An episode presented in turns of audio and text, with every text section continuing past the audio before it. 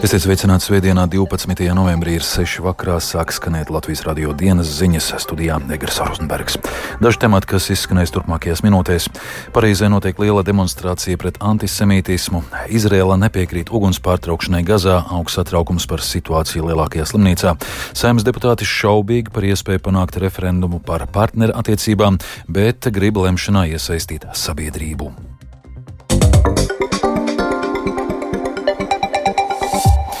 Parīzē šodien tūkstošiem cilvēku piedalījās gājienā pret antisemītismu. Demonstrāciju organizēja Francijas parlamenta vadība un tajā soļoja gan valdības vadītāja Elizabete Borna, kuras ebreju tēvs izdzīvoja nacistu koncentrācijas nometnē, gan bijušie prezidenti François Hollands un Nikolās Sarkozī. Pašreizējais prezidents Emanuels Makrons pavēstījis, ka domās un sirdī ir ar gājiena dalībniekiem.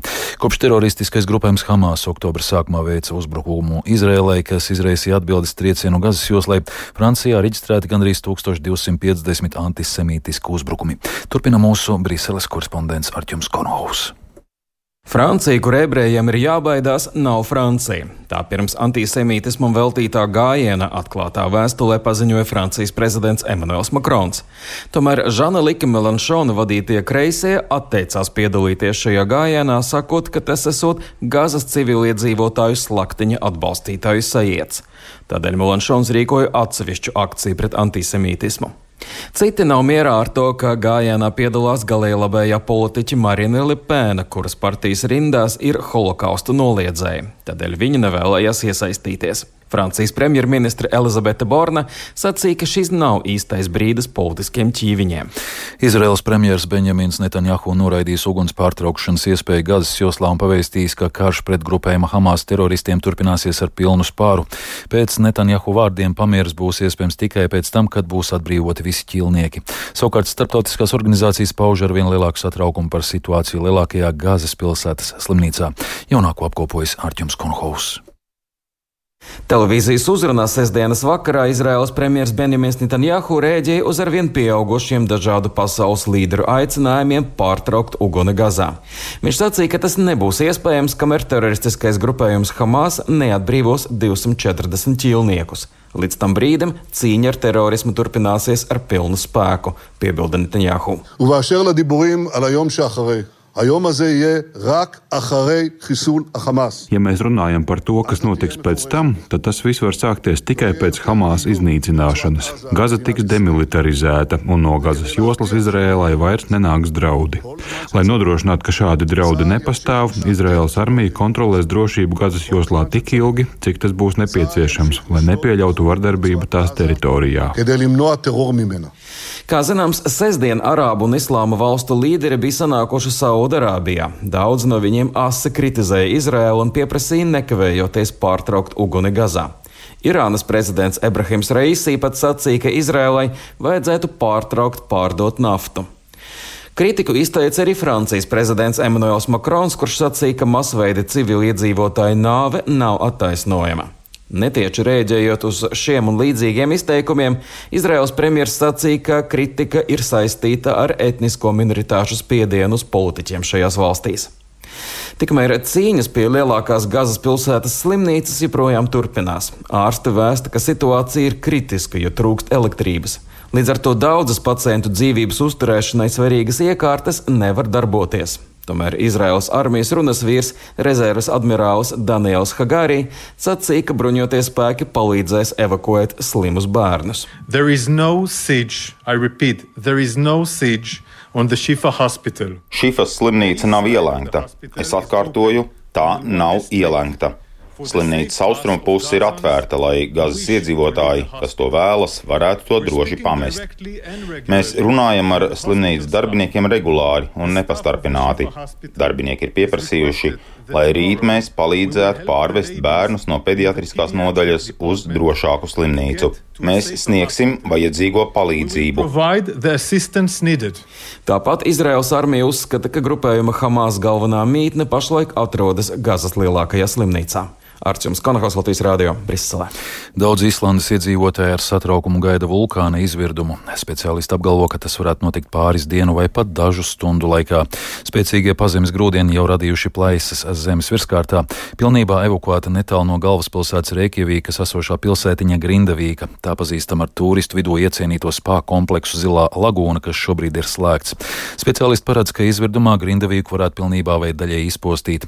Vairākās tuvējās pilsētās atvērts patvērs satversmes neatliekamās palīdzības centri, bet lielākā daļa Grindavīkas iedzīvotāju apmetušies pie draugiem vai radiem.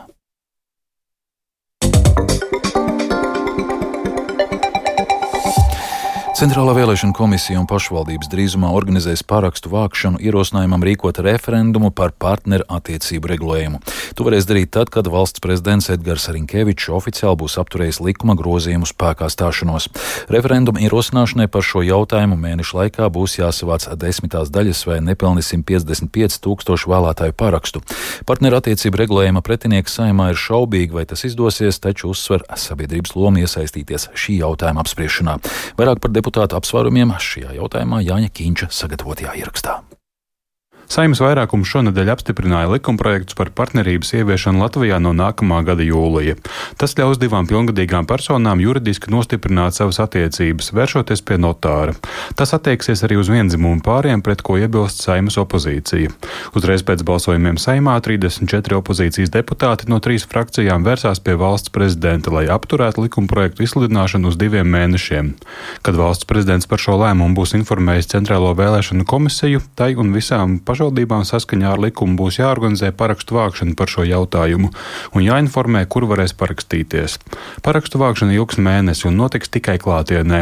Lai arī kāds būs parakstu vākšanas un potenciāli arī referendumu iznākums, šī jautājuma izlemšanā ir jāiesaista sabiedrība, jo regulējums saimā virzījās steidzamībā un bez izvērtēšanas ministrijās, uzsver saimnes deputāts Edvards Smiltāns no apvienotā saraksta. Faktiski tiek izveidots paralēls institūts laulības institūtam, kas ir tiesību pienākumu un garantiju apjoms, kas izriet no šī civiltiesiskā akta laulības, un tiek radīts paralēls institūts.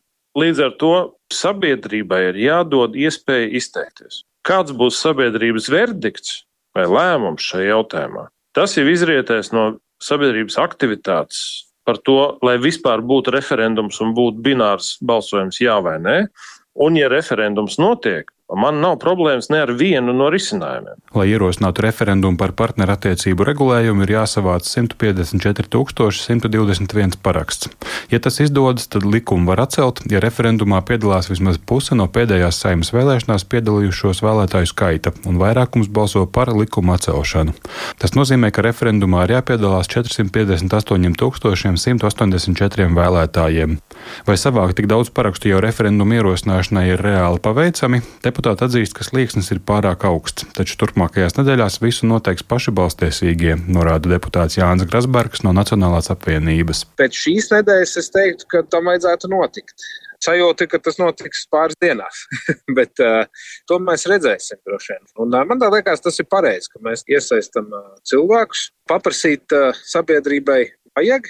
Nu, tad mums būs tagad, jā, divu mēnešu laikā būs viens mēnesis, kurā tad varēsim pārbaudīt, vai tā ir maza daļa un skaļa, vai tas ir tāds plašāks. Parakstu vākšanu inicijēja Latvija pirmajā vietā frakcija. Tās pārstāvs Edmunds Ziltiņš pauž, ka iespējas iesaistīties referendumos Latvijā pašlaik ir tuvu nulai. Tāpēc, ja ne ātrāk, tad nākamajās saimnes vēlēšanās sabiedrība varēs skaidri paust savu izvēli par tautas priekšstāvjiem un arī šodien saimā atbalstītiem likumiem. Visai asi vērtē deputāts. Es domāju, ka tur bija zemūdens šis lielais akmens par to, ka lai tautai vispār nekad nebūtu iespējas neko izdarīt referendumā. Šobrīd 155 ir praktiski nu, neiespējami tik īsā laikā. Bet uh, otra lieta ir tāda, ka, ja mums neizdosies tagad divos mēnešos savākt šos parakstus, tad uh, šobrīd paralēli iet parakstu vākšana par uh, saimnes uh, atsaukšanu, 14. saimnes atsaukšanu. Un tur ir vesels gads, un tā mūsu nostāja ir tāda, ja tagad neizdosies pēc vēlēšanām, tas ir skaidrs, ka būs atkal vairākums konservatīvi domājošu politiķu, un šie visi likumi tiks atsaukti. Parakstu vākšana referendumu ierosināšanai par partnerības regulējumu paredzēts sākt jau tuvākajās nedēļās. Pašlaik vēl nav zināms, cik tas varētu izmaksāt, taču aplēses liecina, ka līdz vienam miljonam eiro. Jānis Kincis, Latvijas radio. Un vēl par sportu no Atlantijas okeāna otra krasta labas ziņas hokeja un īpaši Teodora Bļugera līdzjutējiem. Tāpat arvien labāku sniegumu demonstrē vārdsargs Artūrs Šilovs. Savukārt Alpu kalnos atcelts visai unikāls posms pasaules kausā kalnu slēpošanā. Vairāk stāsta Māris Bergs. Nacionālās hokeja līgas kluba Vankūveras Kenaks galvenais treneris Rīgas Tokets apstiprinājis, ka šīs nakts spēlē pret Monreāls Canadiens laukumā pirmoreiz šo sezonu dosies Teodors Bļugers.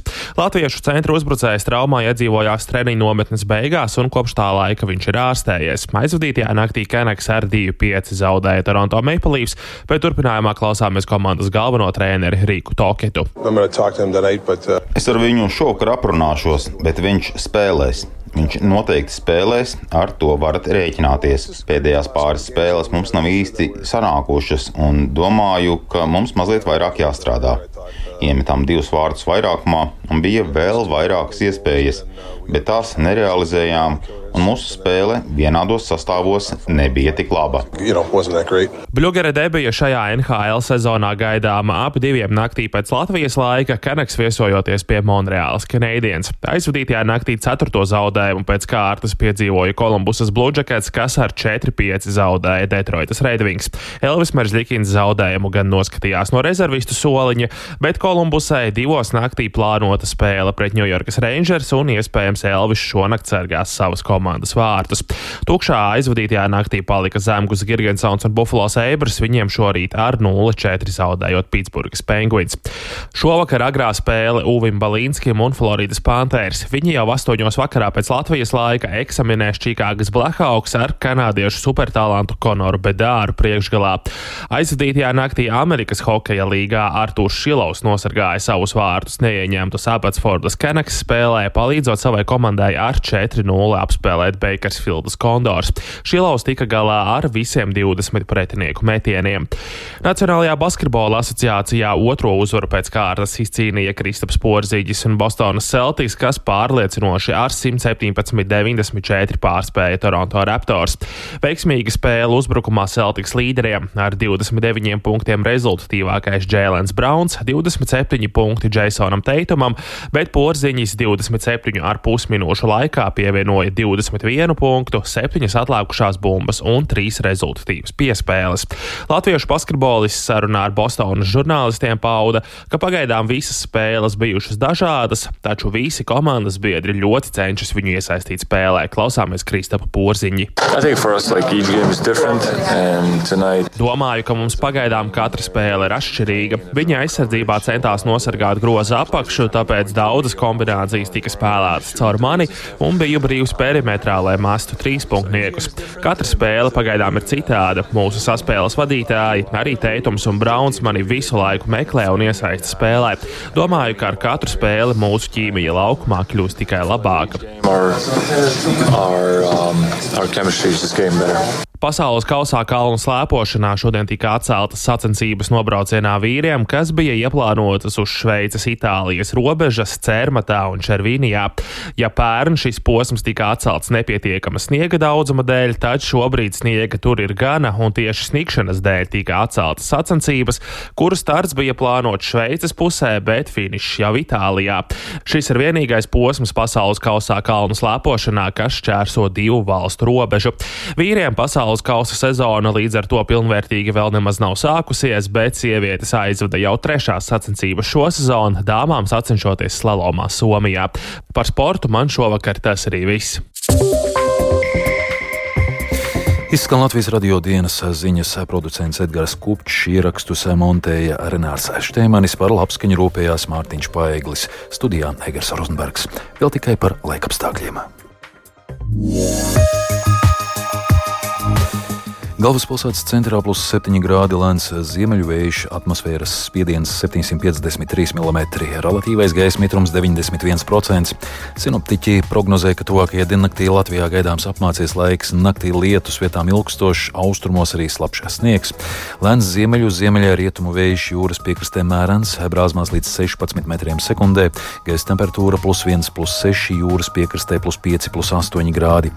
Rīt arī lietus vietām ilgstošs, austrumos iespējams arī slapjš sniegs, pūtīs mērens ziemeļrietumu rietumu vējš, gaisa temperatūra plus 2,7, jūras piekrastē līdz plus 8 grādiem. Un arī Rīgā būs apmācies laiks, ik pa laikam neliels lietus. Pūtīs ziemeļu rīt no rīta jau mērens ziemeļrietumu rietumu vējš, gaisa temperatūra naktī un arī rītdienā plus 5, plus 7 grādi, laika prognoze otrā labvēlīgā.